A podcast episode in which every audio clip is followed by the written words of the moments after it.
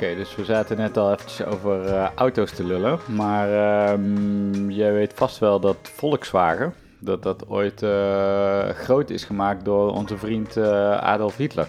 Ja, dat klopt. Daar Dat was ik wel van op de hoogte. bekend. Maar ehm, over het algemeen dan wordt Ferdinand Porsche gezien als de geestelijk vader van de Volkswagen Kever. Mhm. Maar eigenlijk is dat niet juist, want het was namelijk de Duitse ingenieur Jozef Gans die het hele concept van de kever bedacht. Eh, maar weinig mensen die weten dat. Ja, Porsche leverde denk ik alleen de motor. Nou, het is eigenlijk zo dat er eens een soort geschiedenisvervalsing heeft plaatsgevonden. Want in eh, 1933, toen was die Jozef Gans al ingenieur, stond hij op een autobeurs, kwam eh, Hitler eh, bezoeken en hij presenteerde daar zijn ideeën aan eh, Hitler van die kever. Dat moest een goedkope auto worden voor ongeveer 1000 eh, rijksmark en eh, Hitler die was onder de indruk. En eh, die dacht, daar wil ik wel wat mee. Maar er was wel één probleem, want die Jozef Gans, die was Joods. En dat paste natuurlijk niet helemaal in het eh, plan van Hitler, dus dat kon hij niet hebben. Dus eh, Hitler, ook geen domme jongen, die dacht, weet je wat, ik laat die Gans gewoon arresteren. Hoewel hij toen nog niet aan de macht was, maar hij had toen al wel invloed. En het werd de media verboden om over Jozef Gans te schrijven. En ondertussen gaf Hitler de ideeën van die Gans door aan Ferdinand Porsche. En die heeft er later de Volkswagen Kever van gemaakt. En eh, die Jozef Gans is dus eigenlijk een beetje in de vergetelheid geraakt, terwijl hij eigenlijk de, ja, de, de geestelijk vader van de kever is. Ja, dat vond ik toch wel een eh, fascinerend ding. Ja, En er is dus ook een documentaire gemaakt van twee Nederlandse documentairemakers. Dus als je op Jozef Gans, Jozef met een F en Gans met een Z.org, daar kun je die documentaire terugvinden. Dus eh, dat is even een tip voor een eh, vergeten uurtje in het weekend. Kan je gewoon even kijken. top. Dus Ja. het is niet meer verboden om daarover te berichten. Nee, nu, eh, nu kan dat gewoon. Ja, prima. Oké. een mooie tijd. Laten we beginnen met de podcast. Juist.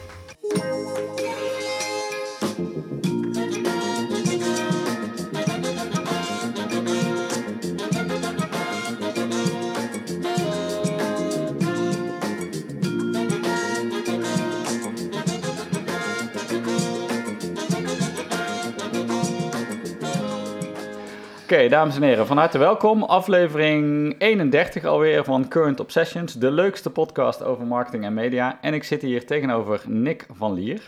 Welkom Nick. Dankjewel. Dankjewel. Eh leuk dat je hier wil zijn. Ehm, deze podcast gaat over marketing en media. En ik denk dat we vandaag dat concept iets gaan verbreden. Want eigenlijk gaan we het over eh, ondernemen hebben. Ehm, wij zijn nu een maandje of acht collega's. En bij jouw introductie vertelde jij een interessant verhaal. Eh, dus ik dacht, laten we even met het, het einde beginnen in plaats van bij het begin.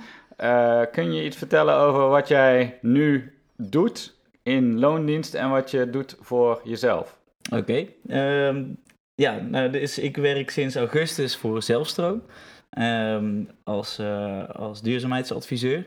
Ehm, dat doe ik 32 uur in de week. Daarnaast heb ik een eigen bedrijf. En eh, dat heeft verschillende vormen gehad door de, door de tijd. En momenteel, ehm, het is altijd met vissen geweest. eh zoetwater eh, roggen om, om het maar... Ja, het is niet, niet per se meteen het meest voor de, voor, de, voor de hand liggende handelsdingetje, zeg maar. Maar Nee, absoluut niet. Ja. Ehm, en die kweek ik tegenwoordig. En ik ben een van de drie kwekers ter wereld die specifiek deze soort kweekt. Ja, want je, ik herinner me nog bij jouw introductie dat je dus vertelde dat jij nu een, een loods hebt waar die beesten zitten. Dat klopt. En vertel eens even iets over eh, eh, hoe dat zit. Want je, ja, je zou denken, daar moet je best wel veel tijd en aandacht aan besteden. Ja, het valt tegenwoordig mee. Eh, het is een loods van 50 vierkante meter. Ja. En daarin staat 30.000 liter water te draaien. Mhm. Is altijd 30 graden. Zowel het water als de temperatuur van de lucht. Oké. Eh, je kunt je wel voorstellen dat het re- relatief vochtig is. Dus Ja. dat de zomer en winter werken op teenslippers en een korte broek. Ja. Ehm, en toen ik begon was het natuurlijk heel veel, eh, eh, heel veel werk om, om alles bij te houden. Maar ik heb, heel veel tijd gestoken en, en, geld ook in, in de tussentijd in het automatiseren van, van alles. Ehm, dat betekent dat waterwissels, eh, schoonmaken van filters, eh, eigenlijk bijna alles automatisch gaat, behalve het voeren van de beesten. Eh, Oké. eh, dus dat doe ik nog. En op maandagen ben ik dan mijn tijd vooral kwijt met het uh, administratie en uh, beantwoorden en ontvangen van klanten. Um, uh, foto's maken van de beesten, een beetje marketing. Want, want, want, hoe groot is die business inmiddels geworden? Dan bedoel je een aantal of omzet? Ja, gewoon, maakt me niet zoveel uit, maar gewoon even dat we even een beeld hebben van, van jouw klanten of zoiets. Ja, ik heb tot nu toe in 33 landen geleverd. Ehm, in het begin heel veel particulieren gedaan en tegenwoordig richt ik me veel meer op groothandel. Dus heb je veel minder werk mee. Mhm. Ehm, en ik heb, uh, ik kweek nu ondertussen tussen de 100 en 150 roggen per jaar. Oké. Oké, en hoe ben je daar ooit mee begonnen? Uh, goudvis op mijn slaapkamer. Oké. En uh, ja, oké, maar er zijn wel meer mensen die goudvissen op een slaapkamer houden. Maar die gaan niet allemaal naar de fully automated uh, roggen business. Nee. Dus nee. Daar, zit, daar, zullen we vast een aantal stappen tussen hebben gezeten. Uh, dat klopt. De, dus het is ooit, de interesse is ooit gewekt. En ik ben altijd wel bezig geweest met beesten en, en vissen in, in, het, in het algemeen. Vond ik altijd wel extra leuk. Mm. Um, mijn opa had een aquarium, dat wilde ik zelf ook. Begonnen met de goudvis op de slaapkamer. Nou, langzaamaan een goudvis erbij, een bakje groter, andere vissen. En uh, dat heeft zo'n beetje een hoogtepunt bereikt als hobbymatig hoogtepunt toen ik een jaar of uh, twintig was. Woonde ik nog bij mijn ouders en daar had ik een heel groot aquarium, drie meter lang, meter breed, meter diep. Uh, met hele speciale vissen erin. En ehm, toen ging ik naar Suriname op stage. Dus heb ik alles verkocht. Dat uh, aquarium? Dat aquarium, de vissen, ja, alles. Ik kon niet zomaar aan mijn ouders overlaten om dat, dat uh, werk te doen. En uh, ja, in, ik wist toen ik naar Suriname ging, en ik was al een tijdje bezig met het onderzoek doen naar zoetwaterroggen, omdat ik het heel graag nog een keer wilde gaan houden. Ja. Um, dat uh, daar een soort was ontdekt in 2006 of 2007, dat weet ik niet meer precies. En die soort die was er nog bijna niet in de handel. Oké. Dus één keer een gekke Canadees die erheen was gegaan om er een aantal te halen. En voor de rest daarna nooit meer iemand. En ik dacht, ja, ik ben een half jaar in Suriname. Laat ik eens gek doen en het proberen. Oké.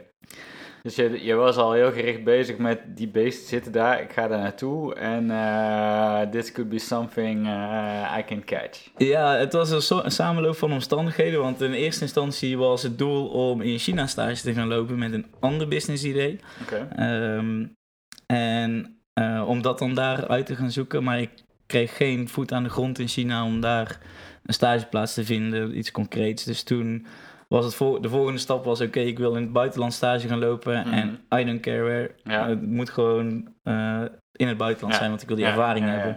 En vervolgens kwam Suriname op mijn pad. En toen dacht ik, nou ja, goed, als ik dan toch kan kiezen, laat het dan gewoon Suriname doen. Want dan kan ik nog eens een keer iets anders proberen.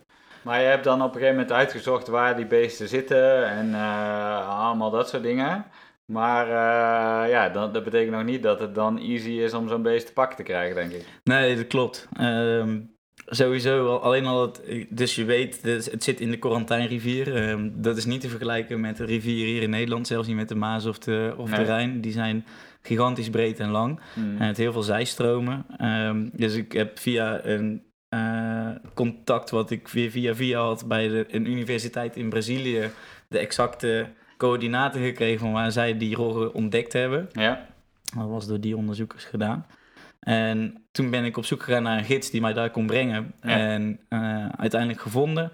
En die gids die zei... Uh, ja, Nick, die zitten ook in een andere rivier. En daar ken ik mensen die daar wonen. En daar, daar kan ik je naartoe brengen. En ja, je moet je voorstellen, destijds leefde ik van uh, Ome Duo. Dus dat moest, mocht niks kosten. Nee. En, Um, de stagevergoeding in Suriname, dat was ook niet om over naar huis te schrijven. Dus mijn laatste spaarcenten daarin gestoken. En hij zei, ja, ik kan, kan je er wel heen brengen.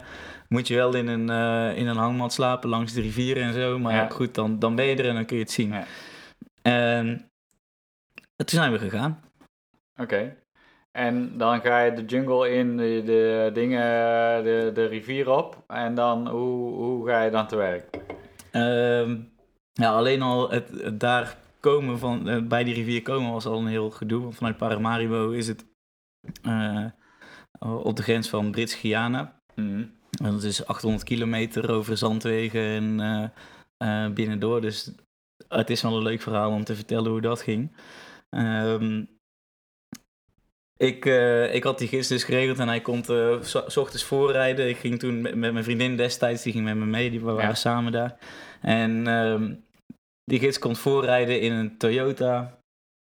Uh, ik weet niet meer de naam van. Het is dus een family van, zo'n klein ja, ja. klote busje. Ja. En die zegt, nou stap maar in, we gaan naar de jingle, we gaan erheen. Dus gaan wanneer gaan we overstappen in een SUV, een fatsoenlijke auto? Ja, hij zegt, nee, nee, dus met dit ding gaan we. Dus we waarom? En, en, toen deed hij de legendarische uitspraak, dan zitten we laag bij de grond en dan kan ik de gaten goed zien. Oké. Okay. Uh, dus zo begon het, denk ik, ja, oké, okay, fuck. Dit is ja, de enige ja. kans, dus doe maar. Uh, alle spullen erin, eten voor een week, uh, hangmatten, vishengels, netten, heel de, heel de rotzooi. En wij zijn gaan rijden. En uh, we waren denk ik 2,5 uur buiten Paramaribo op die zandweg. En we reden gigantisch hard. We waren onderweg gestopt om wiet te halen. Uh, en rum van 90% alcohol. Dus ja. dan was hij tegelijk aan het drinken en aan het roken terwijl ja. hij aan het rijden was. Um, maar die gids, die specifieke gids, die was uh, begonnen ooit als vogeltjesvanger in de jungle. Dus die ving papegaaien om te verkopen en zo, mm. dat soort dingen. Dus die wist de weg wel en die herkende de beest ook. Dus we reden met 80 km per uur over die zandweg. Ja. In een blauwe auto van de rook en, uh, ja. en, en, een drankje in de hand. En dan stopte die uit het niks. En ja, kijk Nick, rechts. Uh, bij die tak, daar zit een blauwe kolibrie. En nou, geen flauw idee, zit zo ver weg. Ja. En dan zegt hij, ja nee, wacht, wacht, doe het raam open, doe het raam open. En dan deed je de raam open en dan begon hij te fluiten. En dan kwam die vogel dichterbij, want zo Ah, ving hij ze vroeger. Dus dat was wel heel, Ja. een hele aparte hij had ervaring. skill. Ja, en na 2,5 uur rijden kregen we een steen onder de auto door. Eh, gigantische klap. Dus ik ja, moet je niet stoppen? Nee, nee, rij je door. en nou ja, denk een kwartier daarna begon de rook uit het achterwiel te komen, aan de achterkant van de auto te komen. Shit. eh, ik denk, oh, daar gaat mijn trip. Ja, ja, ja, ja. Nou kan, kan ik terug. En dit is de enige keer dat ik een week vrij kon krijgen van stage. En nou, we stoppen en eh, bleek de remschijf helemaal rood gloeiend te zijn, omdat eh, de rem eh schoen, was een trommelrem, aan, eh, door die steen aanliep. Ja, ja. Dus door de wrijving werd hij helemaal heet. Eh, dus toen zijn we iedere keer kwartier rijden, kwartier stoppen om af te laten koelen, kwartier oké. rijden. Eh, zijn we verder gereden eigenlijk, omdat het laatste plaatsje waar mensen wonen is in eh eh, Marondorp in, eh, in Suriname, heet Vitagron. Daar kende hij een automonteur. En toen kwamen, kwamen we daar aan. En die automonteur, eh, die was er niet, want er was een begrafenis aan de gang. En die begrafenis, dat was een van de dorpsoudsten en hij, de gids kende die man Ja, ja. ook. Dus daar moesten we naartoe. Dus ik ja, oké, wij blijven al in de auto. Nee, nee, nee, zegt hij, gewoon... eh, je moet meekomen. Dus we stonden midden in de jungle bij een begrafenis van de dorpsoudste van Vitagron. En eh 90% van de mensen die daar waren stonden met hun rug naar de dienst toe foto's te maken van de toeristen die daar waren. Oh, want die, hadden ze, Ja, die zien ze niet zoveel bij de begrafenissen eh, in, over het algemeen.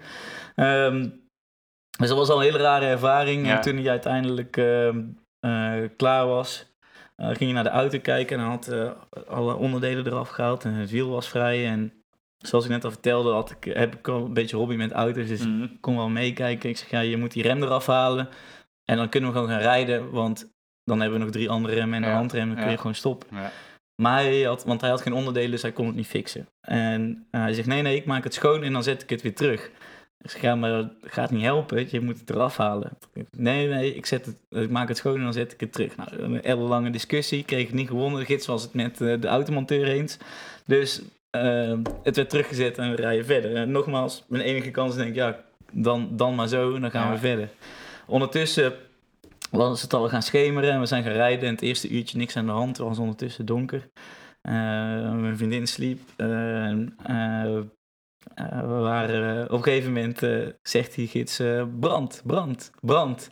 Stop de auto. Dus eh, waren we gewoon doorgereden, omdat we de rook niet meer zagen, omdat het donker was. Was het Ja, ja, ja, de fik gevlogen. Is gestopt, drinkwater eroverheen gegooid, waren de helft kwijt. En auto geblust.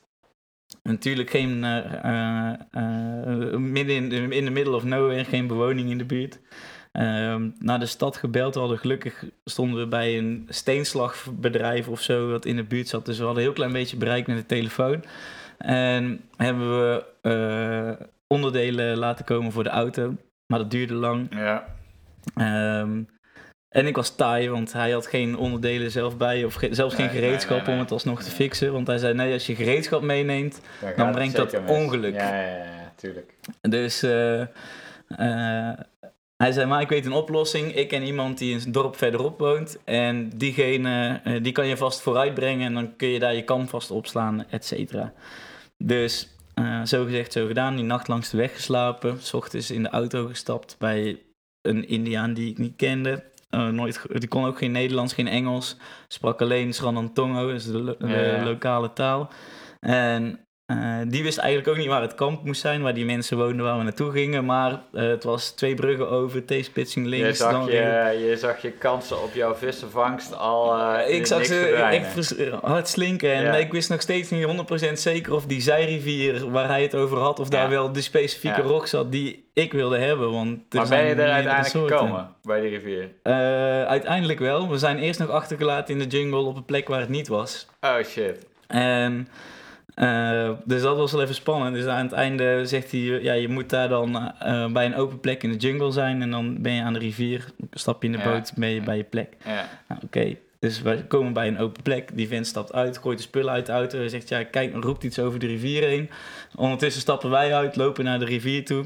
En hij gaat. En hij stapt in, toetert twee keer en hij rijdt weg. En toen stonden we daar en we Oké. ja, hoe kom je dan thuis? Er was geen bereik. De laatste plek waar we gezien waren was bij die gids eh, en, en bij die indiaan. Dus we hadden snel gerekend. Ik oké, ja, in het ergste geval komt hij later vandaag, als de auto gerepareerd is, aan bij de plek waar we hadden moeten zijn. Komt hij er daarachter dat eh, we er niet zijn. En dan moet hij ons gaan zoeken. En als hij ons niet snel vindt, dan moet hij die indiaan er was op gaan dus ook zoeken. geen boot, er was niks daar. Nee, er was helemaal niks. Tering. Bomen, Ai, ai, ai, Overal waar je keek, water en bomen. dus dat was echt helemaal niks aan een doodlopende weg. En het gras stond een halve meter hoog op de weg. Dus je had ook... Ja, je kon Kon zien dat er al heel lang niemand meer geweest was en zo. Dus ja, dat schoot er niet echt op. Oké. Ehm, dus ja, we hadden zitten rekenen. Nou, kijk, kut, dan betekent dus dat we... Nou, als we geluk hebben, dan worden we vanavond nog opgehaald. En anders dan zou het zomaar eens nog een tijdje kunnen duren. Want dan moet die in, de gids de indiaan Ja, vinden. Dan ja. moet de indiaan vertellen of laten zien waar hij ons achtergelaten heeft. Maar we hadden wel ons eten. En eh, dus we hadden kamp gemaakt, hangmat opgehangen, hout, hout gezocht. Ja. En ik had eh, mijn vishengels nog wel in die andere auto liggen, want dat ging niet mee. Dus een hengeltje gemaakt. En eh, ondertussen ja, maar het beste van proberen te maken. En uiteindelijk eh, eh, zegt mijn, mijn vriendin toen... eh, ja, ik hoor, een, ik hoor iets, ik hoor iets, een motor. En Ja. we wisten toen nog niet of het een boot of een auto was. Ja. Dus ik zeg, jij blijft bij de rivier. En als het een boot is, spring erin desnoods. Haal, zorg dat ze stoppen. Ik ren die weg op om te kijken waar die auto is. En gelukkig kwam er uiteindelijk kwam een busje aan in de verte. Eh, de auto nooit gezien. Er- zit een gast in mijn leeftijd. Twee shotguns op de stoel ernaast. En hij kijkt me aan en zegt, eh, ben jij Nick? Ik zeg, eh, ja, ik ben... ik ben Zo'n realistische ervaring. ja, ik ben Nick. Hij zegt, ja, eh, waar is Anne? Die heb je toch ook bij? Ik zeg, ja, ja die zit eh, een stukje verderop. Ja, jullie zijn verkeerd. Ik zeg, ja, dat had ik in de ja. gaten. Ik zeg, maar wie Ja. ben jij dan? Hij zegt, ja, ik ben Randy en ik ben van het kamp waar je eigenlijk had moeten zijn. Wat bleek nou? Hij was die indiaan tegengekomen. En dan, omdat je op zo'n, aan zo'n afgelegen plek woont, stoppen Ja, ze ja, dus schijnbaar om, altijd. eh, altijd even te praten. Ja, en hij zegt, ja, ik heb twee blanken afgezet, superveel spullen bij, ha, zitten staan bij jou te wachten. Eh, je ziet ze als je thuis komt. Toen kwam hij thuis, er was er niemand. Ehm, dus toen dacht hij, oké, die staan ergens aan deze weg, aan Ja, de rivieren. ja, ja. Dus die is alle plekken af gaan rijden. En we moesten nog 2,5 uur rijden of zo voordat we er Ja. waren. Maar uiteindelijk was het dan gelukt. Ja. Dan waren we s'avonds net voor het donker binnen. Ja. Dus dat was wel een, lange Ja, een, ervaring. adventure om er te komen. Ja, dus dat Ja. was alleen het begin, de eerste twee Ja. dagen van de e- allereerste trip. Eh, uiteindelijk zaten de roggen daar zes gevangen, naar Nederland gehaald, eh, met heel veel Hoe moeite. gaat dat de- dan, zeg maar? Is dat makkelijk om gewoon überhaupt van die beesten in een vliegtuig... Of ja, zal, is gewoon een soort animal transport of zo. Ja, dus daar zijn allerlei bedrijven voor. Ja. Eh, dan staat Suriname op de rode lijst, dus dan valt het nog niet mee om iemand te vinden die dan ook echt uit Suriname die beesten naar Nederland wil halen. Ja. Eh, dus ik had uiteindelijk iemand gevonden en die had gezegd, ja, als jij de vangvergunning en een exportvergunning hebt, dan kunnen wij de rest regelen hier in Nederland. Dus, Oké. Maar ik had die beesten al, want we moesten nog een vangvergunning regelen. Ja. Ja, maar dat is de standaard manier waarop, waarop het in Suriname vangen gaat. en dan daarna regelen Ja, dan, want dan pas Ja. weet je voor Ja, hoeveel beesten je vergunning moet vragen natuurlijk. Ehm. En uh, nou, daar ben ik maanden bezig geweest met het vinden van iemand die die vergunningen kon geven. En uh, ik werd van het kastje naar de muur gestuurd. Ben, maar in, had je ondertussen die beesten al wel in Nederland? Of waren die nee, die waren nog in Suriname. Maar waar heb je die dan in beheer achtergelaten? uh, mooi verhaal ook. Ik had een... Onze huisbaas had ook een dierenwinkel en ik heb hem gewoon betaald om een paar bakken te gebruiken. Oh, dus dat ja, was okay. ook wel weer handig. En uiteindelijk ehm, kon ik die, ik kreeg die vergunning maar niet geregeld. En ik was overal, ieder ministerie geweest. En uiteindelijk zei, uh, had ik mezelf voorgenomen van oké, dan ga ik gewoon tegen iedereen die ik tegenkom, of waar ik mee praat op mijn werk of in privé, vertellen wat ik aan het doen ben en vragen of die me kan helpen. En uiteindelijk kwam ik zo iemand tegen die zei, ja, de minister zit in mijn basketbalteam ik ga jouw verhaal vertellen, hier is mijn telefoonnummer. En uh, die belde twee dagen later op. Hij zegt, je hebt de minister gesproken, de je minister kunt langskomen. Um, de, het LVV, dat is het land, land, nou, land, bosbeheer, zeg maar, oh. dat soort dingen. Dus die gaat echt over de jungle en wat eruit komt. En dat was in Suriname, zeg maar? In Suriname, ja. ja, ja. Dus ik, ben, ik mocht niet bij de minister zelf komen, maar bij de onderminister uiteindelijk. En daar heb ik mijn vergunningen van gekregen. En die zei, joh Nick, leuk verhaal, eh, doe maar 25 euro en dan krijg je je vergunningen. En, uh, ja, toen was, je, was je inmiddels eigenlijk al terug in Nederland, of niet? Want die stage zal ook niet eindeloos hebben geduurd. Nee, het was, zes, gewoon... zes maanden duurde ja, stage, dus, dus, dat was tegen het einde van de stage. Je hebt die gevangen en tijdens die stage heb je gewoon eigenlijk dat verhaal overal rondverteld en toen kon je bij die onderminister Ja, ja precies. dus toen heb ik uiteindelijk in december de beesten teruggestuurd en ik ben in januari teruggevlogen. Ja. Uh, mijn pa had ondertussen, want die zat, zat, thuis met een, met een hard hoofd. Die zegt, ja, dat gaat je nooit lukken in eerste instantie. Toen zei pa, ik heb er zes. Zei ja, oké, ja, ja, maar je gaat ze toch niet in Nederland krijgen. Ik zeg, maar had je, had je toen al, zeg maar, het vooropgezette plan om te gaan handelen met die beesten? Ja. Ja, ja, want eigenlijk je vertrok met nog gewoon een hobbymatig groot aquarium bij je ouders thuis. Precies. Maar toen had je wel al dat je dacht, oh, hier, hier zit wel, hier zit handel in. Ja, maar mijn ouders hebben dat met de paplepel ingegoten. Toen ik vroeger aan mijn pa vroeg, uh, mag ik een skelter? Dan gaf je me twee fietsen en dan zei ik, ik wil 50 gulden voor die fietsen hebben. En als je het goed verkoopt, dan heb je genoeg geld om zelf een skelter te kopen. Oké. Dus op die manier... Want je vader is ook ondernemer of uh, ja, is ondernemend? Of ondernemer? Beide. Wat doet hij dan? hij is tegenwoordig met pensioen. Hij heeft altijd winkelmanagement gedaan voor vastgoed. Ja. En daarnaast heeft hij zelf een beetje vastgoed. En nou goed, tuinmeubelbedrijf gehad en van alles en nog wat. En toen was je in Nederland, op een zeker moment kwamen die beesten terug. En uh, dan, uh, dan denk je, die, daar ga ik mee fokken of uh, ja. dat. En toen liet ik alles doodgaan. Oh, echt? Ja. Kut. Ja, dat was fucking kut. Het ging maanden goed. Maar het waren wel mijn eerste roggen die ik ooit gehouden had. Zijn wel specialistische dieren. Ja. En uiteindelijk was het een koperleiding, een nieuwe, die de boosdoener was. Want ze kunnen niet tegen koper. Oude koperleiding is geen probleem. Want je hebt dan van tevoren ook al uitgezocht van hoeveel ruimte, hoeveel water moeten die beesten hebben? Ja, alles wist ik. Dat staat allemaal zijn die beesten? op internet. Uh, de grootste die ik teruggebracht had was 50 centimeter diameter. Ja.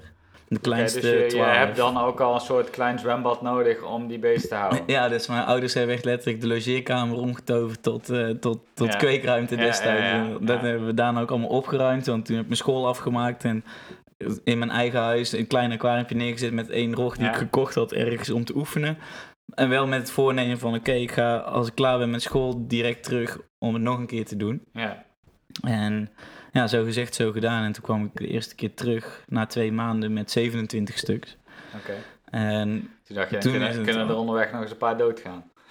ja, dat was gelukkig niet gebeurd. Oké, okay, dus die, die 27 heb je een heel eind in leven weten te houden? Ja, allemaal. Ja, ja. En uh, die heb ik ook, uh, daar heb ik een gedeelte zelf van gehouden en de rest verkocht. En daar heb ik goed aan verdiend toen. Ja. En, maar uh, wat doet een rog? Uh, wat doet een zeldzame rog? Een zeldzame rog, dus de soort die ik doe, die is beginnen bij 2000 euro per koppel. Oké. Ja. Oh, dat is serious. Ja, dat is wel serious money, maar er zijn nog veel, veel Maar dus eigenlijk ook die 27, die kun je dus, uh, uh, dus zeg maar even, zijn dat dan 13 koppels, zeg maar? Of.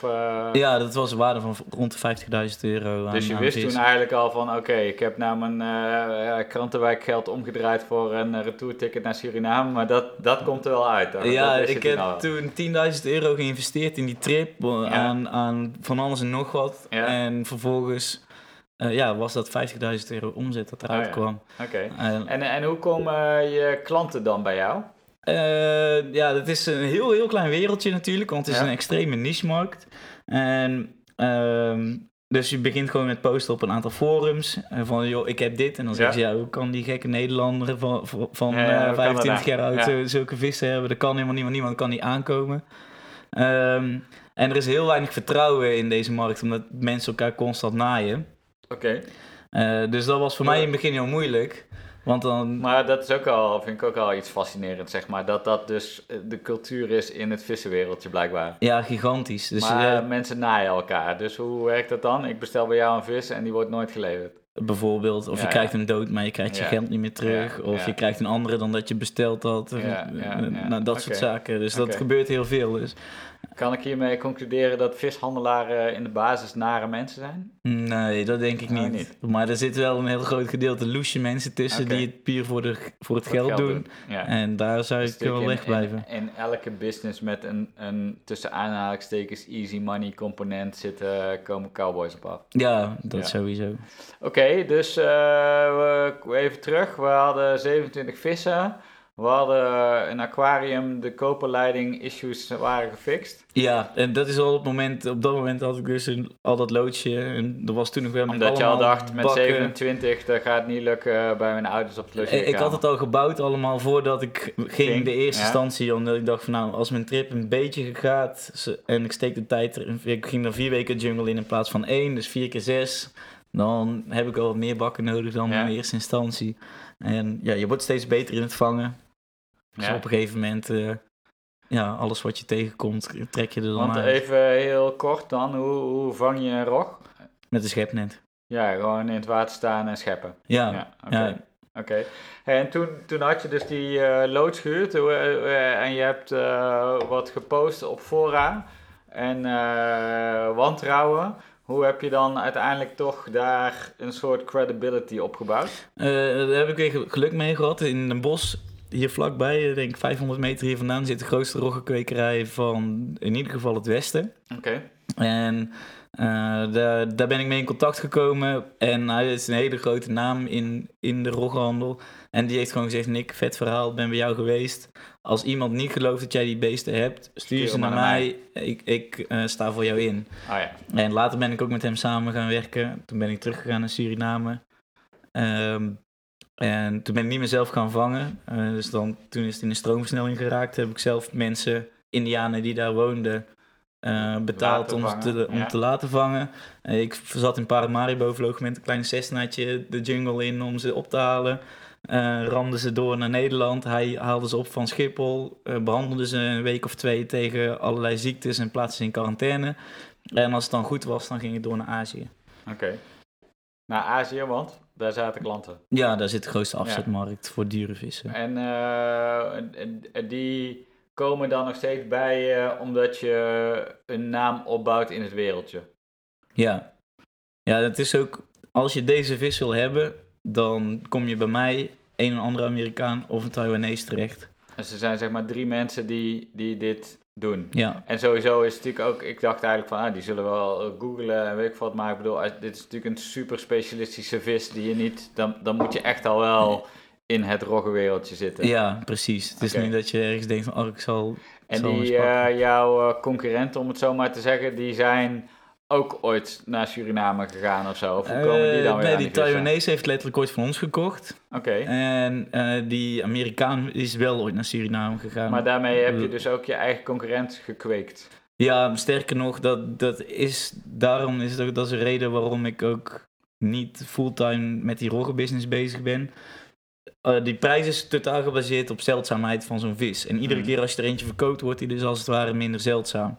En zijn we voor- vanaf vandaag zeg maar drie jaar verder, dan kunnen al mijn klanten die ooit een koppel gekocht hebben en ze hebben het in leven weten te houden, ermee kweken. Ja, En dan ben ik de controle over de prijs kwijt. oh ja. En eh, de enige reden waarom je dat, of de enige manier op- om dat voor te blijven is om of nieuwe dingen te kweken, of Ja. beter te kweken dan iemand anders, dus mooier. Ja, Dus dat doe je door selectief bepaalde beesten bij elkaar te zetten.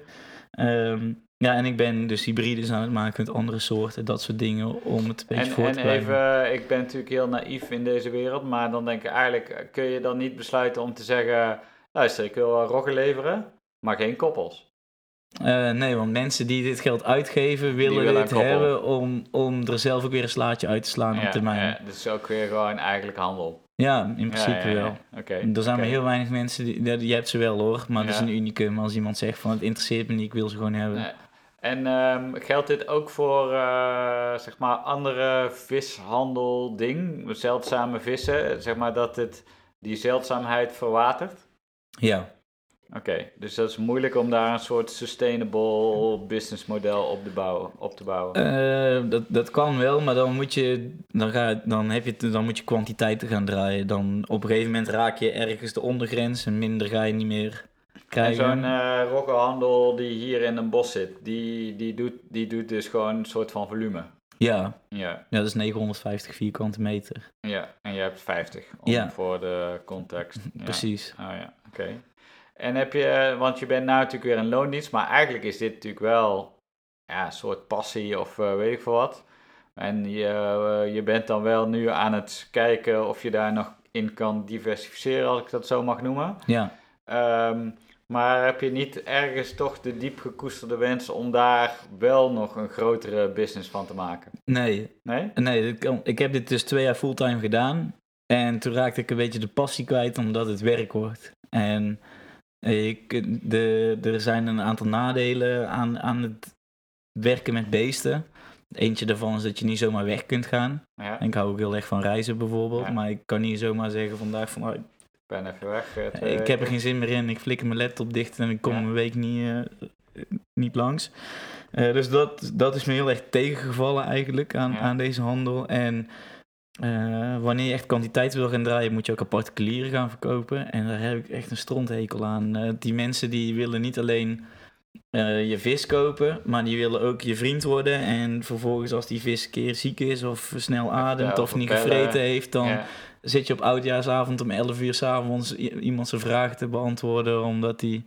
Ja, en het is letterlijk gebeurd gewoon. Dus ik bel ja. op, nee, ja, ik heb vandaag niet gegeten, wat moet ik doen? Ik, ja, flikker op man, ik, heb gewoon, ik ben gewoon vrij. Ja, ja. Ja, dus dat, dat is, uh, daar ben ik wel van teruggekomen. En ik vind het nog steeds heel leuk. En nou is het gewoon heel fijn als ik hier klaar ben. Dan ga ik mijn vissen voeren. En dan is dat geen werk meer, hmm. maar meer hobby op dat moment. En ja, leuk dat ik er ook nog geld mee verdien. Ja, oké. Eh, en uh, wat zou je nou afsluitend kunnen zeggen wat, los even van geld en, en dat je er een leuke tijd mee hebt gehad, maar wat, wat heeft het je gebracht of geleerd of wat heb je eraan gehad voor je gevoel? Ja, een onwijze berg aan levenslessen. Ja? Ja, absoluut. Gewoon in doing business. En... Ja, mensenkennis, me, uh, uh, sowieso het importeren, exporteren van dingen en opletten dat je niet genaaid wordt, want dat is onderweg nog wel een aantal keer gebeurd.